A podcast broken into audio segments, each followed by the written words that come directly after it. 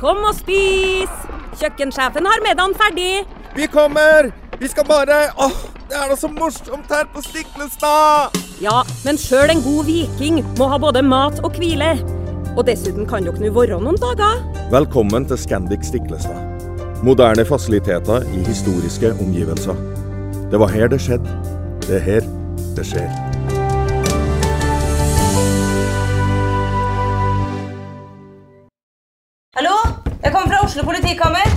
Ine Jansen er purk. Er du purk? The motherfucking bitch. Alt jeg vil, er å finne ut hva som skjedde med mannen min. Jon Carew. Er jeg sikta for noe? Iben Akeli. Det er du. Ole So, Lars Berrum og Big Daddy Karsten. Hvem sin side er du på, egentlig? Anette Hoff, Tone Danielsen, Kommer du fra Afrika? Jørnis Josef, Nesten. Kløfta. Trond Espen Seim, Det er synd å si det, men det var feil mann som døde. Purk. Premiere tirsdag på TV2 Play.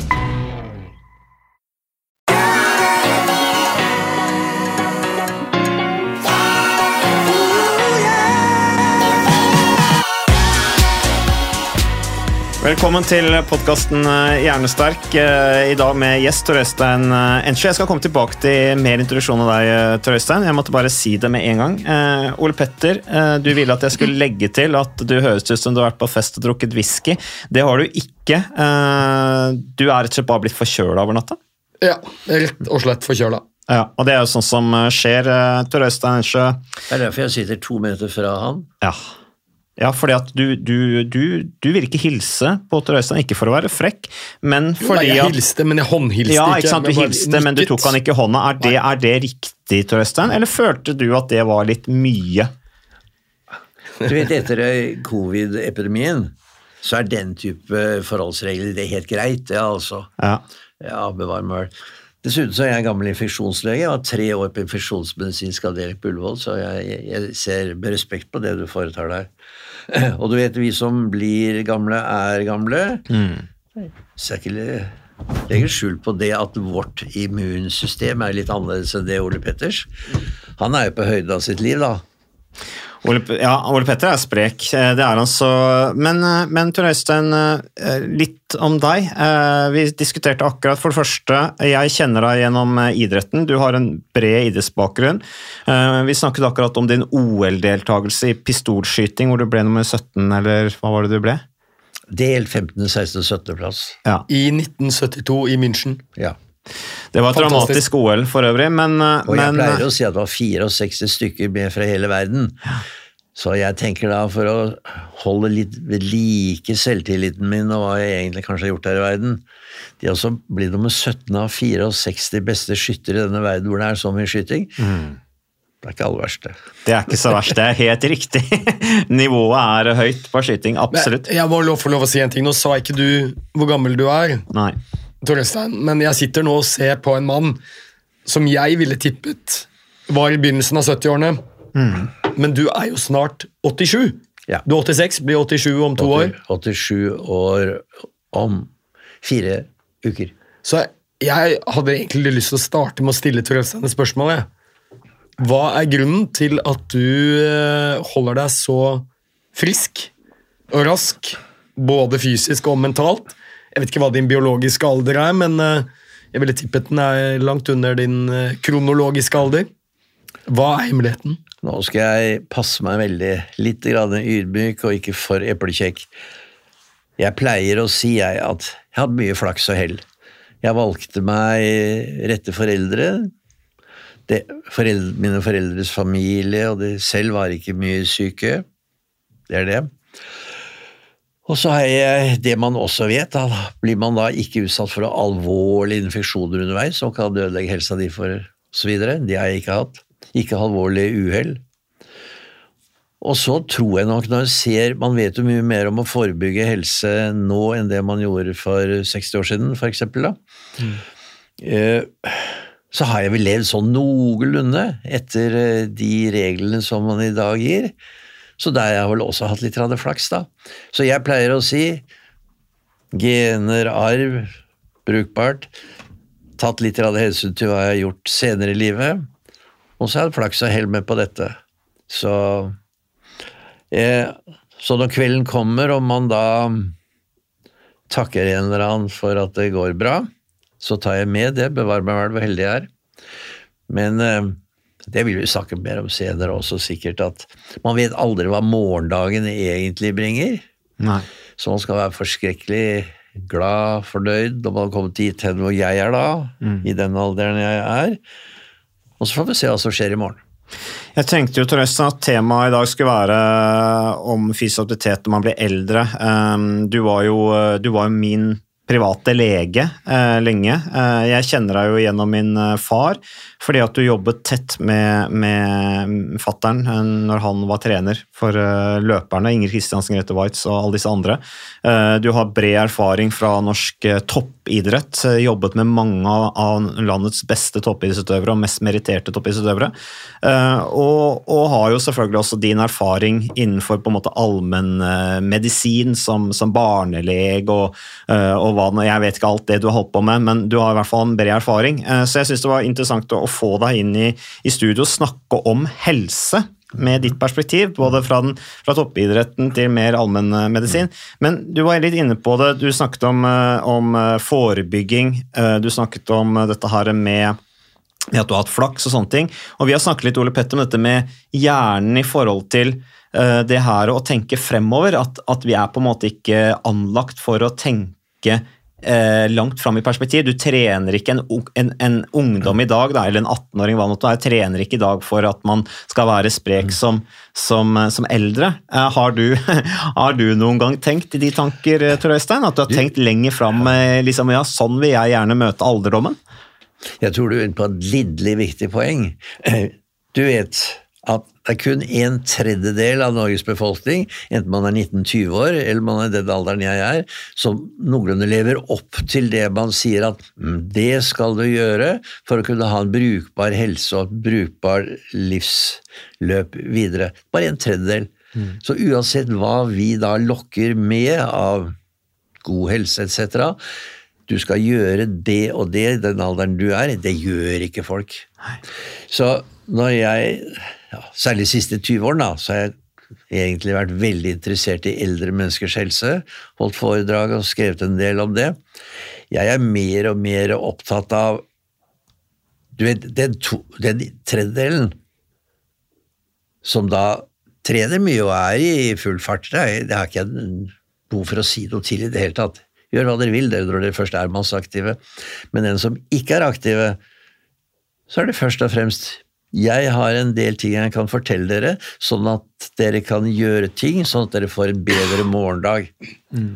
Vær aktiv på en sånn måte at dere har noenlunde aktive, brukbare år i fremtiden. Det er den, det er den gulrota som jeg syns Ja, så det du sier er at selv om du kanskje ikke har vært så aktiv tidligere i livet, selv om du kanskje ikke er så aktiv akkurat nå, så er det aldri for sent? Nei, aldri. Nei. aldri. Skal jeg nevne et eksempel for deg?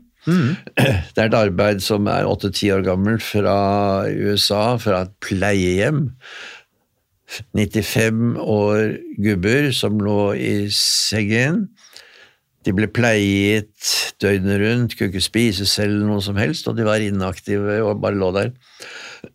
Det høres jo nesten ut som menneskeplaging, da, men det var fysioterapeuter som da gikk løs på disse og prøvde etter beste evne å aktivisere det. Tre, tre kvarter, tre ganger i uken.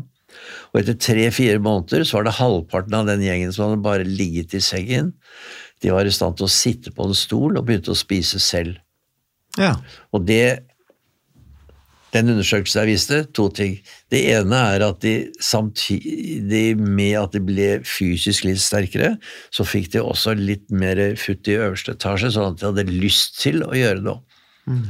Så det er vel egentlig det jeg du spurte om. Er det aldri for sent å begynne å trene? Nei, det er ikke det.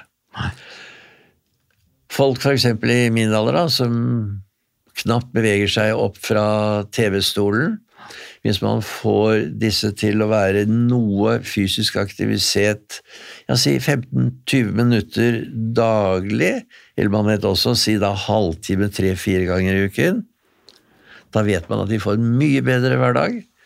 Sannsynligvis så utsetter de litt av de plagene som kommer med årene. Var det riktig heldig, så lever de litt lenger òg. Um, I og med at du har eh, jobbet med altså, du, har såpass, du har såpass lang erfaring som lege, Tor Øystein, som jeg nevnte. Alt fra, fra barne, med, altså, som lege for, barnelege til, til lege for uh, noen av verdens beste idrettsutøvere. Uh, uh, hvor mye har du reflektert over i møte med pasienter som, som aktiv lege? Hvor mye har du reflektert over at oi, her burde vedkommende ha kanskje endret Eh, livsstil, eller eh, hvordan har du sett på en måte at folk som kanskje har eh, vært fysisk eh, sterke, da, at du har reflektert over hvor mye folkehelse har i forhold til eh, hvordan man møter sykdom og utfordringer i livet? Nå er jeg ikke helt riktig klar over hvor du ville hen. Nei, det kan godt tenkes. Nei, nei, og det, det, var ikke jeg heller. Nei, altså det, du, da, da, tar vi det en gang til. jeg stilte spørsmålet vanskelig. Det, det, spørsmålet på to linjer nå, ja. så skal jeg svare. Eh, for jeg sitter her og tenker og hører på hva du sier, men det som, det som var spørsmålet mitt, var i din tid som aktiv lege, i hvilken grad har du tenkt over, reflektert over dette med viktigheten av folkehelse, altså fysisk aktivitet, mm kosthold i møte med pasienter? Da jeg var ferdig doktor for 62 år siden, da var det én selv om vi skrev journaler på sykehus og ellers, var det utrolig lite spørsmål har, hvordan har du levd livet ditt? Hvor mye drakk du? Hvor mye røkte du? Hvor mye beveget du deg? Det var veldig lite viktig da. Og det er jo veldig viktig når man lager journaler på folk i dag. Men av en eller annen mystisk grunn, det var vel kanskje en eller annen eh, lærer, medisinsk lærer, da, som gjorde at jeg begynte allerede som eh, ung studentdoktor få en slags mistanke om at fysisk aktivitet det gjorde at du hadde det bedre i de aller fleste situasjoner i livet. Jeg hadde litt på følelsen det. Og jeg hadde vel også helt klart på følelsen at uh, hva du gjorde Ble det i overkant røking, eller du drakk litt for mye, spist sånn at du ble 10-15 kilo for mye, så gjorde du ting med deg selv som vi senere har fått dokumentert. Hvis alt dette her er gærent, som jeg nå da nevnte så vidt, så forkorter du livet ganske betraktelig, og de såkalt aldersbestemte sykdommene, det er jo da kreftsykdommene og hjerte-karsykdommer, diabetes og noen andre ting, de kommer mye tidligere hvis du ikke tar hensyn til de tingene. Mm. Så det tror jeg at jeg hadde klart for meg. Og folk rundt meg syntes vel at jeg da var litt for kjapp mange ganger til å komme med råd uten at pasienten hadde spurt. Ok. Ja. Sett nå da Jeg begynte jo som ordentlig doktor da, turnustjeneste i 1961, det er ganske lenge siden. Og da syns nok mange at jeg var litt for kjapp, ikke nødvendigvis sitte med en pekefinger, men å begynne å ta opp sånne ting. Kanskje du kan gjøre litt selv for at det går litt bedre med helsa di? Mm. Kanskje du kan gjøre ting som kan ha en virkning på hvordan livet ditt går om 20-30 år? Jeg har nok vært litt der. Mm. Kanskje litt i overkant. Det er jo den vanskelig samtale. Vi har snakket litt om det, Ole Petter, å ta den uh, samtalen. Uh, men uh, du sier tror jeg, at du opplever da at folk har i møte med pasienten så har de reagert litt negativt på det. At det da oppleves som litt sånn stigmatiserende. Ja, jeg tenkte det skulle komme en liten kommentar. Jeg, jo, har jo vært lege ganske lenge, jeg òg, men ikke mm. på langt nær like lenge som Tor Øystein. Jeg var ferdig i 1996. Og du var ferdig i 61. 61. Og jeg tror det er ganske mye som har endret seg i måten vi snakker med pasientene våre på. Eh, så da jeg begynte som lege, så var det jo iallfall mine godt voksne pasienter de kom jo til meg for å få råd, for å få tilbakemeldinger. Og så lærte vi på slutten av legestudiet at det er viktig med pasientautonomi, selvstyring, sånn at vi skal ta med pasientene på råd. Og da husker jeg at jeg kunne stille noen spørsmål til pasientene. Ok, du, du har litt høyt blodtrykk. Hva tenker du? Eh, mm. Legemidler, eller skal vi, skal vi, mm. prøve litt mm. fysisk aktivitet? Mm. Og da var det jo De godt voksne pasientene de var jo sånn Nei, men det vet jo ikke jeg. Det må jo du bestemme. Det er jo du som er legen. Mens en yngre generasjon pasienter gjerne vil tas med på rådføring. Eh, og Poenget mitt her da er jo at uh, Tor Øystein sa at det var en del pasienter som kanskje mente at han kom med råd litt for kjapt. Uh, og nå er det jo anbefalt at uh, hvis jeg f.eks. som fastlege har en pasient som sliter med helsa pga. høy vekt, kan være at de har vondt i knærne, økt risiko for diabetes type 2 osv., så, videre, så er jo min sånn ryggmargsrefleks å begynne å snakke om viktigheten av å ta vare på helsa. Bevege seg, kosthold. Men da er det jo anbefalt at vi nå skal spørre pasientene har du lyst på noen råd. Og istedenfor at vi skal påpeke utfordringene helsemessig ved å være, ha overvekt eller fedme, så er det meningen at vi da heller kanskje skal stille pasientene spørsmål hva tenker du om din egen vekt. Så liksom, det har skjedd en ganske stor endring i Jeg måten tror- vi snakker med pasientene våre på, fra at vi leger på en måte var oraklene som satt med en kunnskap som pasientene ikke hadde, og pasientene forventet at vi skulle fortelle dem hva som var den riktige måten å gjøre ting på, til dagens samfunn hvor all medisinsk informasjon er jo tilgjengelig med tastetrykk. Så ofte så kan jo pasientene våre fryktelig mye, og ofte mer enn oss også, om de tilstandene de plager seg sjøl. Så nå er det mer tanken at man skal ha en dialog, og pasientene skal komme med den endelige avgjørelsen. Så det, er jo, det har jo skjedd litt, da. Jeg ser klart at her er jeg historisk, vet du. For kunnskapene i 60-årene, at da f.eks. fysisk aktivitet regelmessig slik og slik, at det hadde å si for blodtrykk, og det kunne da egentlig være så bra at det var ikke nødvendig å starte med blodtrykksmedisin. Noe av det samme gjaldt diabetes og overvekt osv. Så, videre. så det er det ene. Kunnskapen i løpet av de 30 årene som er da spranget mellom deg og meg, det har endret seg veldig, så vi vet mye mer i dag. Og det andre som er også er helt klart, at måten vi kommuniserer med folk på i dag, er helt annerledes enn det var. Eh, helt klart at jeg kom inn eh, som ung lege, hvor jeg da så de gamle legene snakket med stor autoritet, og jeg hadde vel lett for å ta litt den tonen. Og nå skal jeg fortelle deg hva du skal gjøre, da. Det ble ikke så mye samtaler ut av det. Så det, dette er interessant.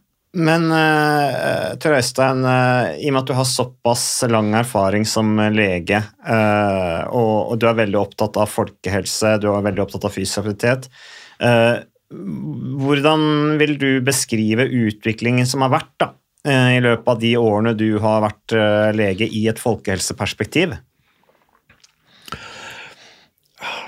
Det er dokumentert det at eh, Ja. Det er ganske store sosiale forskjeller på dette.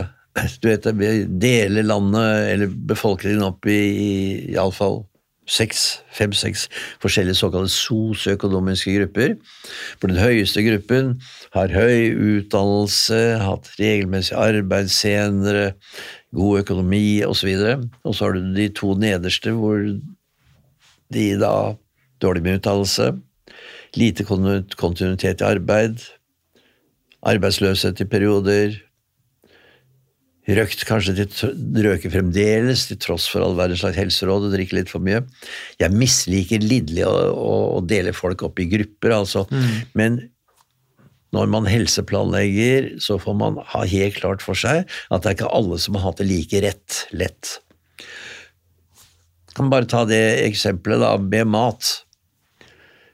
Det er jo ingen hemmelighet for folk i dag at man da anbefaler at man spiser frukt og grønnsaker, fisk kanskje to, tre, fire ganger i uka. Ikke altfor mye søtsaker, ikke drikke alkohol hver eneste dag, røke ikke out osv. Det er noen som ikke makter å ta de, den kunnskapen inn til seg. Gjør ikke det.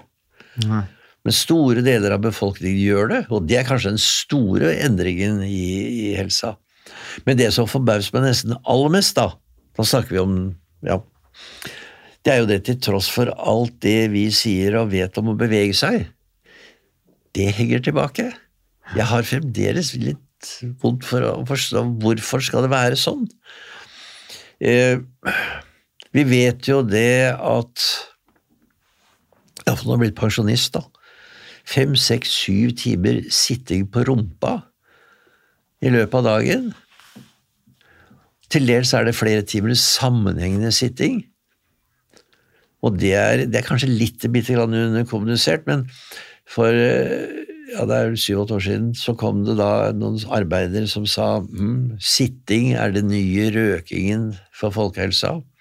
Men man vet jo det at det som skjer i kroppen når du sitter flere timer sammenhengende sånn, det er omtrent det samme som skjer i kroppen din når du røyker. Masse negative ting med ja, det er fettstoffskifte, balansen med blodsukker, insulin, sånne alltid betennelsesdempende ting osv. Det er, det er helt, helt sjokkerende, egentlig, hvis vi bare sitter. Så når jeg har holdt foredrag og sånn, Én ting at jeg sier at ålreit, gå en tur slik og slik, men for all del, ikke sitt så lenge av gangen.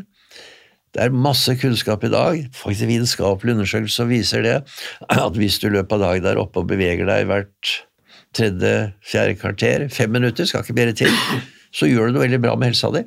Mm. Du, Jeg har bare et par kommentarer til det Tor Øystein sa. Jeg, jeg, jeg håper Kanskje... du er enig. Veldig. Jeg, er det, og, og en ting vi, jeg tror vi syns vi snakker ganske lite om. Vi snakker mye om folkehelse. Det vi kanskje ikke snakker like mye om, det er fordelingen av folkehelsa. Fordi den generelle folkehelsen i Norge, gjennomsnittlig folkehelsen, er jo veldig god. Vi lever lenger enn nesten i noen andre land i verden. Vi har forventet levealder på godt over 80 år. Iallfall for kvinner, og menn har også bikket over 80 år. Vi har veldig lav spedbarnsdødelighet, på linje med de aller beste i hele verden. Så det er jo liksom to av de viktigste folkehelseparameterne vi kan måle. Mm. Men folkehelsa i Norge er veldig skjevfordelt, og den blir mer og mer skjevfordelt etter de linjene som Tor Øystein nevner, da, sosioøkonomisk status. Kort fortalt, jo høyere inntekt du har, jo bedre du tjener, jo bedre helse har du. Eh, og det er jo egentlig grunnleggende veldig urettferdig. Mm. Bare i Oslo så kan du se jeg husker ikke de helt oppdaterte tallene, men det er ikke mange år siden man så at hvis du bor i Oslo vest, altså vest for Akerselva versus øst for Akerselva, som er et skillelinje i Oslo, både geografisk, men også sosioøkonomisk, så kan du forvente å leve åtte år lenger. Mm. Bare for å følge deg rett på den. Jeg har bodd i Bærum og Oslo vest da, inntil for tolv år siden, og nå bor jeg på Sagene. Så derfor følger jeg veldig Og jeg sitter faktisk i byråd Sagene med eldreomsorg. Jeg føler deg veldig på det, til tross for at det stadig flyttes inn folk med litt bedre utdannelse, litt høy, bedre økonomi osv., så, videre, så er det fortsatt sånn at på Sagene lever vi åtte år kortere. Og de, sykdommene kommer tidligere, at man blir egentlig ufør før. Kommer raskere der enn f.eks. på Vinneren. Mm. Sagene Vinneren. Det er liksom stikkordet. Ja, ja, ja. Så, så, så, jeg tror veldig at hvis vi skal få bedre folkehelse for alle, og ikke bare de som har høyest inntjening og sosioøkonomisk Ukas annonsør det er uh, HelloFresh. Og uh, hvis du nå går inn på hellofresh.no og bruker koden 'fresh hjerne', så kan du få opptil 1779 kroner rabatt på da de fem første matkassene dine hvis du ikke har prøvd Hello Fresh enda. Og Ole Petter, vi er jo glad i Hello Fresh i podkasten Jernsterk, selvfølgelig fordi at de er en annonsør. De er med og bidrar til å spre det glade ordet om fysisk aktivitet og god helse. Men i tillegg så har jo vi også nå lang erfaring med Hello Fresh eh, selv. Så vi må jo si at det har vært gode erfaringer til nå. Ja, absolutt. Visste du Mats, at HelloFresh er faktisk verdens ledende matkasseleverandør? og Tilbudene til HelloFresh gjør det enkelt å lage gode og varierte retter som skaper matglede.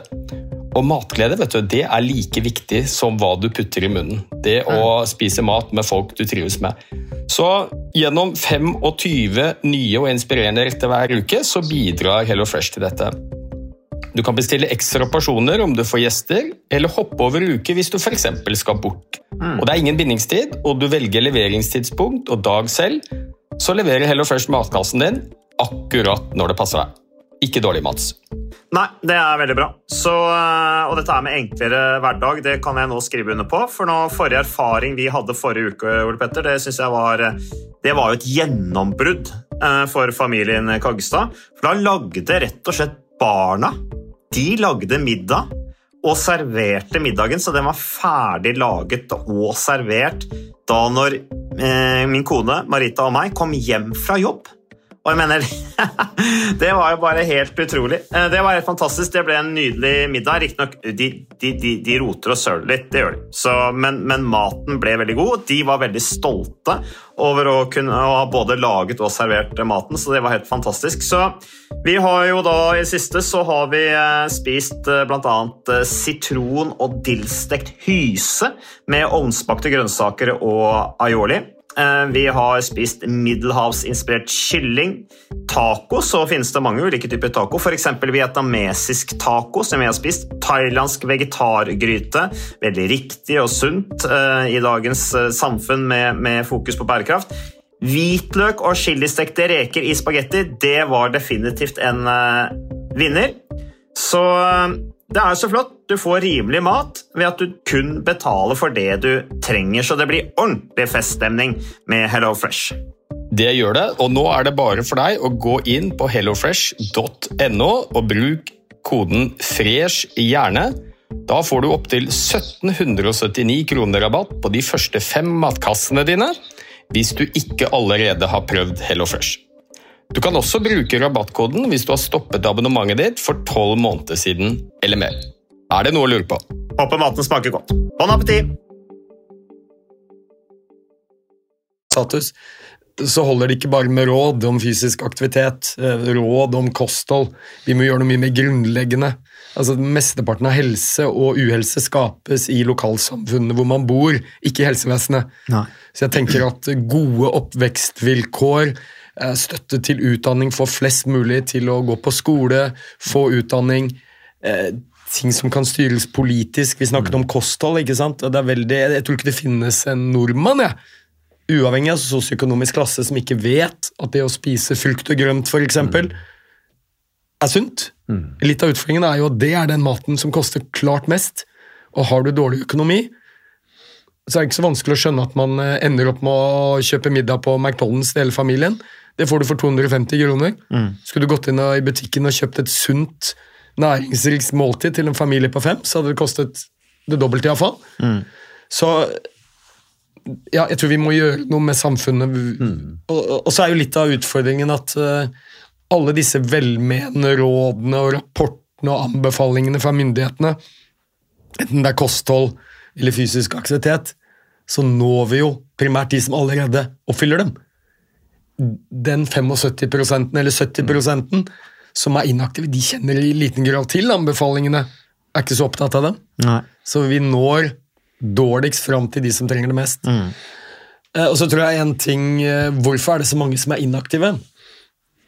Det er jo ikke noe veldig enkelt svar på, tror jeg, for det er jo et superparadoks at alle nordmenn i dag vet hvor viktig det er å være i bevegelse. Allikevel så gjør nordmenn flest alltid de kan for å bevege seg minst mulig. Satt litt på spissen. Så, Men du, når det gjelder den eldre gruppen, da, som vi blant annet kanskje først og fremst kan snakke om her nå, jeg tror at det er større sjanse for at vi når fram med den enn det tidligere. Og det er ut ifra noe som du dere også vil ta opp. At når jeg prater om hva kan du som 75-80-åring gjøre med livet ditt nå?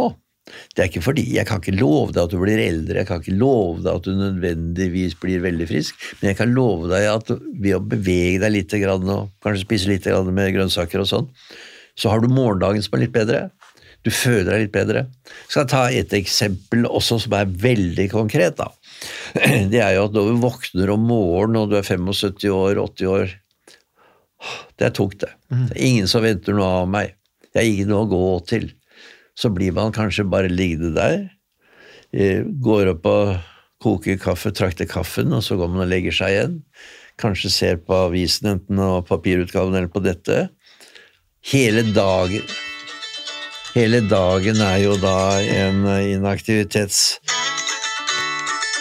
En negativ inaktivitetsspiral. Det var telefonen din som ringte etter Øystein. Det går bra. Men, eh, men, ja, ja, men så- det jeg skulle til å si Når jeg da holder foredrag eller snakker med enkeltvis Vi har kunnskap om At du står opp om morgenen, du har lyst på kaffen, så går du og setter på trakteren, og de fem minuttene som det da tar der, hvis du da kan gjøre litt grann fysisk aktivitet Det kan være noen knebøyninger, du kan ta noen sånne pushuper, kanskje du står og hopper litt på tærne, kanskje du har en strikk du holder på med, ikke mer enn fem minutter.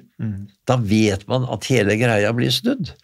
Man vet eksempel noe som han har drevet forskning på, det har noe med sirkulasjonen i hjernen vår. Vi vet da i løpet av de fem minuttene så er det 15% mer bedre sirkula- mikrosirkulasjon i hjernen.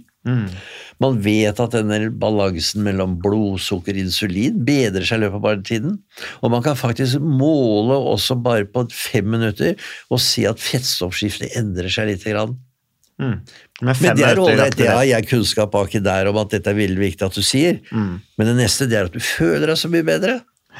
Da føler du at du har lyst til å kanskje gjøre noe mer senere i dag, fordi du kommer godt ut om morgenen. Ja, det da- rimer også med godt at du prediker, gjør det ikke da? Jo, du veldig, og jeg har lyst til å støtte eh, veldig opp under noe av det du startet med å si innledningsvis. Ja. Eh, Og det handlet om at det aldri var for sent å begynne. Det tror jeg er viktig. Fordi eh, vi er mange godt voksne i dette landet. Innen 2050 så er vi kanskje dobbelt så mange som det vi er i dag. Og majoriteten av dem har jo vært inaktive storparten av sitt voksne liv. Vi er ca. 70-75% som er i den kategorien. Og det aller beste for helsa det er jo selvfølgelig å være aktiv gjennom hele livet. Men om du har blitt 40, eller 50, eller 60, eller 70, eller 80 for den saks skyld, så vil du få en formidabel gevinst ved å begynne. Altså Det er virkelig aldri for sent. Og det er veldig godt dokumentert bl.a. i Helseundersøkelsen i Nord-Trøndelag, noe som heter Generasjon 100-studien, eh, som bl.a. viser at hvis du begynner å bevege deg litt i voksen alder, et eller annet sted mellom 40 til 70 års alder, og da snakker vi ikke om noe voldsom trening, men kanskje er det et par-tre ganger i uka hvor du blir litt svett av andpusten, litt lette styrkeøvelser, så kan du forvente ikke bare å leve lenger, men du kan forvente å få 14 ekstra selvhjulpne år sammenlignet med en som har bare fortsatt å være fysisk inaktiv. Tenk deg det, altså Kanskje kan du bli 80, uavhengig av om du har vært fysisk aktiv eller ikke, men kanskje den 80-åringen som har vært inaktiv, bor på et sykehjem eller pleiehjem, mens den aktive som begynte å bevege seg da de var 40, 50 eller 60, de har 14 år, de. Hvor de kan bo hjemme, klare seg selv, beholde førerkortet, kunne gå en fjelltur, hjelpe barnebarnet med å flytte en sofa inn på hybelen, gå til butikken, reise seg etter du har falt. Så, så, så tenker jeg det er også et stort paradoks da, i samfunnet hvor vi ser at jo eldre vi blir, jo mer inaktive blir vi. Og så er det nok en del som tenker at kanskje er det normalt, men det er egentlig veldig ubiologisk. For den klart største gevinsten ved å bevege seg, den får du jo jo eldre du er. Så Da er du 20 år og frisk, og du er inaktiv, så har det ingenting å si i praksis i hverdagen. For du er frisk, du klarer det du vil allikevel. Men 75-åringen, ikke så vil kanskje litt mer styrke, balanse, kondisjon Det kan være forskjellene som gjør at du kan leve, klare deg sjøl, bo aleine, beholde førerkortet, kunne være fysisk aktiv. Men det, så det er forskning, men jeg har lyst til å bare, hvis jeg får lov å gi en sånn helt praktisk eksempel Eh, Jeg startet jo en sånn mosjonsgruppe på legekontoret mitt for en del år siden, hvor vi hadde en del godt voksne pasienter. Og jeg har bare lyst til å fortelle om en som heter Thor. Han Thor han var, eh, han var 80 år, eh, og han var helt frisk. Men han hadde vært inaktiv siden han var 40. Han hadde ingen sykdommer, men problemet hans var at han hadde så dårlig kondisjon og så lite muskelstyrke at han sleit med å klare seg i hverdagen. Han var enkemann, kona døde noen år før. Uh, han sleit med å kjøre bil, han sleit med å kle på seg. Måtte hjelpe hjemmesykepleien til det. Han hadde falt et par ganger, sleit med å komme seg opp. Men ellers frisk. Så han begynte hos oss. Tre ganger i uka så var han med på mosjonsgruppa vår. Det vi gjorde, vi spaserte en tur. 15-20 minutter. Og så gikk vi i en motbakke. Og Tor var ikke så veldig sprek, så han klarte et par-tre ganger gikk han denne motbakken på to, to minutter.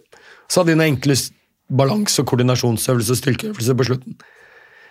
I løpet av tre måneder så gikk han altså fra å måtte ha hjelp av hjemmesykepleien til å kle på seg, til å kunne stå på ett bein og ta på seg sokken. Han klarte å gå til butikken. Det hadde han ikke klart på mange år. Begynte å sykle til butikken. Han klarte å, han var jo sosialt aktiv, var med i en sånn Kivanis-klubb, han hadde ikke vært der på mange år. Nå orket han å gå dit. Klarte å kjøre bil. Ikke sant? Så det er ganske lite som skal til for å ha en fantastisk gevinst i hverdagen. Men, men er, det da, er det da den fysiske treninga som gjør at du kommer dit, eller er det det at du mentalt ser at det er mulig å fungere, mulig å delta, og at du skjerper deg mentalt, da, for å bruke det uttrykket som mange ikke liker? Begge deler, vil jeg si. da. Ja, jeg vil også stemme på begge deler. Det er helt klart at når du da Bare for å presisere akkurat det du sier, da. Jeg har også noen sånne eksempler som det der. Når en 80-åring gjør det der Én, du kan ikke love han at han får mange år etterpå. Du kan ikke love at han ikke får kreft eller hjerte-lungesykdommer eller hva som helst. Men du kan love at han får litt bedre den dagen. Litt bedre morgendag. Men jeg tror det sitter veldig mye i huet etter hvert, altså. Han får, en, han får en glad dag. Får litt mer lyst til å gjøre ting. Veldig, veldig. Men vi snakker jo mye om den mentale effekten av fysisk aktivitet, ikke sant? og gjerne i et perspektiv for unge mennesker som har syke... Nå? Nå er det mye snakk om psykiske lidelser blant unge. Eh, undersøkelser er ganske altså, dårlig lesning, da, eh, sett med allmennhelsa eh, for unge når det gjelder det mentale. Eh, og så snakker vi liksom, ja, hvorfor skal man trene? Man klarer jo ikke å ha Hodet vårt er ikke på en måte kalibrert sånn at vi tenker langsiktig. Eh, så man må ha fokus på den umiddelbare effekten etter å ha kommet seg inn. ikke? At du en tung dag kan gjøres til en litt bedre dag når du har kommet deg ut i fysioterapeut, mestringsfølelsen og alt dette her. Men det som er interessant, det du sier her, Tor Øystein, og som du også sier, Ole Petter, er jo det at den effekten, den har du jo hele livet. Eh, også som, som eldre. At den, den er på en måte universell uansett, uansett hvilken livsfase du er i. Eh, og men litt sånn interessant med det langsiktige perspektivet. I går så, så var jeg oppe i, eh, oppe i Tryvann og sto på ski med datteren min. Vi reiste opp på en kveldstue, sto litt på ski, som er fantastisk gøy. Og så så vi noen som gikk sånn randonee opp Vyllyløypa, som jo er, er veldig bratt. Og så sa jeg til datteren min Natalia se på de, de går opp, og så kjører de ned kjempegøy. Og så sa Natalia men det er jo ikke gøy det, pappa. Er du helt gæren, liksom? Å gå opp når de kan ta heisen? Altså, hva er det som Og så sa jeg, men, men eh, jenta mi, det er fordi at uh, du, det, dere, du, du ser ikke det fordi at du er ung.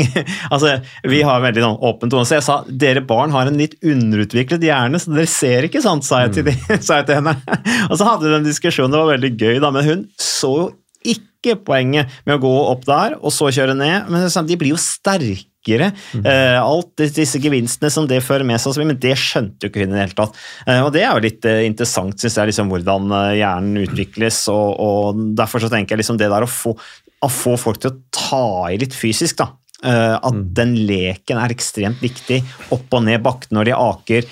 Idretten er ekstremt viktig. Og faren er jo nå når vi snakker om litt lang, langsiktig perspektiv og det å møte alderdommen i relativt sett god fysisk form, hvor viktig barne- og ungdomsårene er hvis det nå f.eks. er et frafall fra idretten. Har du noen tanker om det, Tor Øystein? Ja, veldig eh, tanker om Det ble med psykisk helse og barn. De, man har jo sett de siste årene, det er flere og flere barn som da unge, som har problemer med helsa si. De blir nervøse, de blir engstelige, de blir deprimert.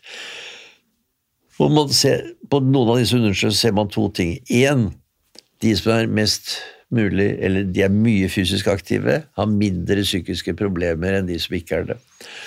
Og hvis man greier å hjelpe, eller prøve å hjelpe en gruppe med barn og unge som ikke har det så godt her i livet, med at de får de til å være mer aktive, så blir de jaggu bedre av det òg. Og for å vri den over til oss gamle Gamle som er deprimerte, og som man greier å få ut i naturen i særdeleshet og bevege seg, de kan bedre den eh, psykiske helsa ganske kjapt. Så det er, ikke, det er ikke dårlig, det. Eh, Det samme Jeg- som gjelder i alle samfunnslag, alle aldre. Akkurat det samme som gjelder uansett. Eh, men Tor Øystein, er det en fare altså Når man blir eldre, blir pensjonist, føler kanskje ikke at man strekker til på lik linje som man kanskje gjorde før. Eh, er det da Er man mer sårbar for depresjon når man når pensjonsalderen? Har snakket med ganske mange som sier at det verste som skjedde med meg, det var at arbeidslivet mitt var over. Og der er det også en, en sånn sosial profil, da, som er eh, jo høyere utdannet du er, jo spenn, mer spennende jobb du har hatt. Da har du også samtidig skaffet deg et spennende etterliv ved at du har kanskje hobbyer, du leser mye, du reiser litt osv. osv. Da går det rimelig bra. Men allikevel så er det ganske så mange som blir deprimert og har det ikke så lett etter at arbeidslivet var over. Så derfor sier vi jo gjerne det, da. For all, og det er jo mange undersøkelser som viser det. Og noe av det aller viktigste du gjør, det er å skaffe deg et sosialt nettverk som du kan ha glede av videre. Og dette sosiale nettverket, det folk som skriver om det, snakker om at det skal være et forpliktende sosialt nettverk. Det vil altså si at eh, Jeg har venner, jeg har folk jeg har gjort ting med da som 60-, 65-åring osv., men at jeg da føler en slags forpliktelse overfor den nå. At jeg tar initiativer, prøver å gjøre ting sammen. Mm. Hvis du, min venn, da 65 år gammel, begynner å få det litt dårlig nå, så skal jeg ha en forpliktelse, egentlig. God forpliktelse. Prøve å ta hånd om deg videre. Og da virker det begge veier. Og det ser ut til å være utrolig viktig for en meningsfylt tilværelse når vi blir eldre. Mm. Det sosiale, Ole Petter, som du har snakka mye om, men du har jo blant annet har vi snakka om dette her å gjøre avtaler, ikke sant. Mm. Eh, for forpliktelsen Altså, det som er litt artig å snakke med deg til, Øystein, er jo det perspektivet du har på folkehelse, den brede erfaringa du har, alt fra toppidrett til, til, til barn, som sagt, inn innenfor astma, hva det måtte være. men men det her at det er det samme som gjelder hele tiden. Eh, det er disse her grunnbjelkene som du har snakka mye om, eh, Ole Petter, bl.a. dette med det sosiale. Um, og så er det bare kanskje litt andre måter å, å holde seg i aktivitet på, som gjelder når man blir eldre. Du nevnte jo, var det Thor han het? Tor, ja. Ja, som hadde sant, veldig utfordringer, skapte en voldsom fremgang. Og du Tor Øystein, snakker om at ja, det er aldri for sent å starte, uh, og selv i høy alder så kan man skape stor fremgang. jeg tenker jo, Hvis man bare klarer å skru på den bryteren, at man starter og blir tent av å fortsette, så blir jo mestringsfølelsen enorm mm. når det skapes så stor fremgang fra et relativt dårlig utgangspunkt. Ja, ja, og det er jo ikke bare det at det aldri er for sent å begynne, det er jo de som har det dårligste utgangspunktet, som kanskje er, har vært mest inaktive, er i dårligst form, Kanskje har de kroniske sykdommer, funksjonsnedsettelser. Det er jo de som får den største gevinsten. Ved å bevege seg litt, da er, er du virkelig i den bratte delen av det vi kaller doseresponskurven. Kanskje er det bare en spasertur på ti minutter annenhver dag som skal til for at du får et vanvittig løft i livskvalitet, hverdagsfunksjon. Mm. Og, ja, så det er mye mindre som skal til enn det kanskje mange tror. Og Så stilte du et spørsmål til, rundt dette med Tor i sted. Eh, pasienten min. Hva var det som ga fremgangen? Var det treningen, eller var det alt det rundt? Og så svarte både Tor Øystein og jeg at sannsynligvis begge deler. Uh, og det tror jeg er et viktig poeng her med akkurat denne pasienten. Han var veldig ensom, for du blir ofte det mm. når du ikke har noe god hverdagsfunksjon. Du er ikke spesielt mobil, du bor aleine, du kjører ikke bil. Så han var mye aleine, han var ensom. Og så begynte han i denne gruppa, traff han masse likesinnede. De begynte å treffe hverandre sosialt utenfor også. Han følte jo kjempemestring og begynte å få ting til. Og summen av det der tror jeg er like viktig for helsa, og vel så det kanskje, som den fysiske treningen. Mm, mm. Eh, vi har alle tre lett for oss å snakke om å trene, trene, trene. Ja. Bevege seg. Det er masse kunnskap i dag om at hverdagsaktiviteten, selv om ledere, da, den er så utrolig viktig. Det er undersøkelser som jo har vist, da, som går veldig i retning av det du sier. Hverdagsaktivitet som går på at man da bare går kvarter av 20 minutter om dagen. Nei, per dag, ja. Mm. Og at hvis det er noen trapper eller hvis det er en liten bakk, at man går såpass at man kjenner at pusten går litt. Og når pusten begynner å gå opp, så går jo også hjertet litt fortere. Mm det er faktisk en gevinst for at du får det bedre. Og for vi som da kaller det mer om, vi vet at det betyr noe for helsa di videre også. Men som vi har sagt noen mange ganger, dette at du sier mm, ta vare på hverdagsaktivitetene dine. Det er visst f.eks. at husarbeid, hvis du gjør litt skikkelig husarbeid, rer opp senga ordentlig, rister dyna, løfter opp, går og handler, bærer da litt tunge poser, hvis du har det. Mm. Går av buss eller trikk en stasjon før hvis du har det, og går. I mitt hode så er det en slags trening. Helt klart en trening for kroppen, men jeg bruker ikke det uttrykket. Den hverdagsaktiviteten du da gjør, den er bra for deg. Ja, det har jo, jeg bare kort innpå der, Det er jo til og med vist at for de skrøpeligste, som kanskje er mye liggende, altså sengeliggende eller stillesittende, bare det å reise seg mm. Stå og se på TV istedenfor å sitte, så det, gir det en helsegevinst sammenlignet med å sitte i ro. Så det, det er så lite som skal til. Mm. Det var jo eh, litt som eh, boka 'Kropp og sinn' til Egil Borger Martinsen, hvor han eh, skriver at kan du bare sitte, så får du trene på å stå. Kan du bare ligge, så kan du trene på å sitte. Um, bare øke, eh, øke aktiviteten litt fra utgangspunktet. Uh, og det du er inne på også, Tor Øystein, at det er ikke sikkert man lever lenger, men som min far også alltid har sagt når han har utholdt holdt foredrag, uh, dere har jobbet mye sammen, uh, så har han alltid sagt at det er ikke sikkert du lever lenger, men målet må jo være å dø sunnere. Mm. jeg syns det er faktisk ganske godt eh, sagt. Eh, så, så Men eh, jeg syns eh, først og fremst tusen takk for at du kunne komme på podkasten Jernsterk. Eh, Det er nyttig å, å få det perspektivet også. Eh, Hyggelig at du kunne komme som gjest. Mm. Og så eh, takker jeg til deg også, Ole Petter. Og så eh, Kan jeg få lov til å avslutte Ja, med litt? Grann? Det må du gjøre. Når man er Sånn. i den alderen jeg er, så er noe av det jeg føler mest stimulerende, det er å føle at man er litt nyttig. Nå følte jeg meg plutselig litt nyttig, da. Og vi burde jo kanskje snakket litt mer om det, men jeg føler meg nyttig med at jeg fortsatt Du snakket om at jeg driver med idrettsutøvere. At jeg er i et team rundt 15-16-17 unge gutter jenter som prøver å bli gode til å løpe fort på friidrettsbanen. At jeg da bruker litt tid på å prøve å være nyttig der, slik at de kan ta kanskje De vet at jeg har en viss erfaring, da. At de da spør om ting. Du og du. Det gir meg en løft hver dag jeg blir spurt om noe. Og da du ringte her om dagen og spurte om jeg kunne komme og snakke om det jeg har vært interessert i hele livet Flott. Dette gir meg en løft for i dag. Takk skal du ha. Ja, og jeg syns også at eh, det er viktig å få perspektivet til folk som har levd lenge. Eh, For der er det mange kloke mennesker. Og da kan vi gi en oppfordring da, til lytterne våre, som kanskje har besteforeldre for eksempel, eller har noen rundt seg som er eldre pensjonister. Eh, Rett og slett spør de om råd. Jeg tror ikke det er mer som skal til. Snakk med de, spør de hva ville du gjort. Jeg har jo selv en far som er ganske dårlig nå, og jeg, akkurat det du sier der, Øystein, han, jeg merker på han hvordan han blir løftet, når han kan fremdeles føle at han kan være en del av mitt liv gjennom å gi meg råd og samtale om mine utfordringer for eksempel, i livet. Så der har vi en oppfordring til lytterne. Snakk med de eldre, spør de om råd. Da føler de seg sett og betydningsfulle. Ja, og det, det er jo jeg tror også et sånn undervurdert helseparameter, det å føle at man driver med noe som er meningsfylt. Så det, Vi snakker mye om kosthold og søvn og bevegelse, det er viktig, men som godt voksen, at du har et eller annet du driver med, samme hva det er for noe, som du opplever som meningsfylt, det, det er viktig å velge seg det. Og det kan være nesten hva som helst.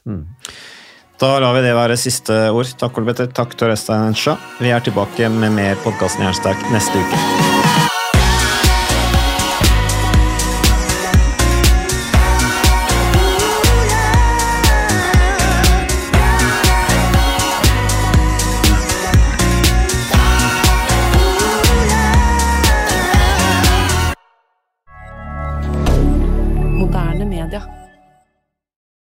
Har du et enkeltpersonforetak eller en liten bedrift? Da er du sikkert lei av å høre meg snakke om hvor enkelt det er med kvitteringer og bilag i fiken, så vi eh, gir oss her, vi.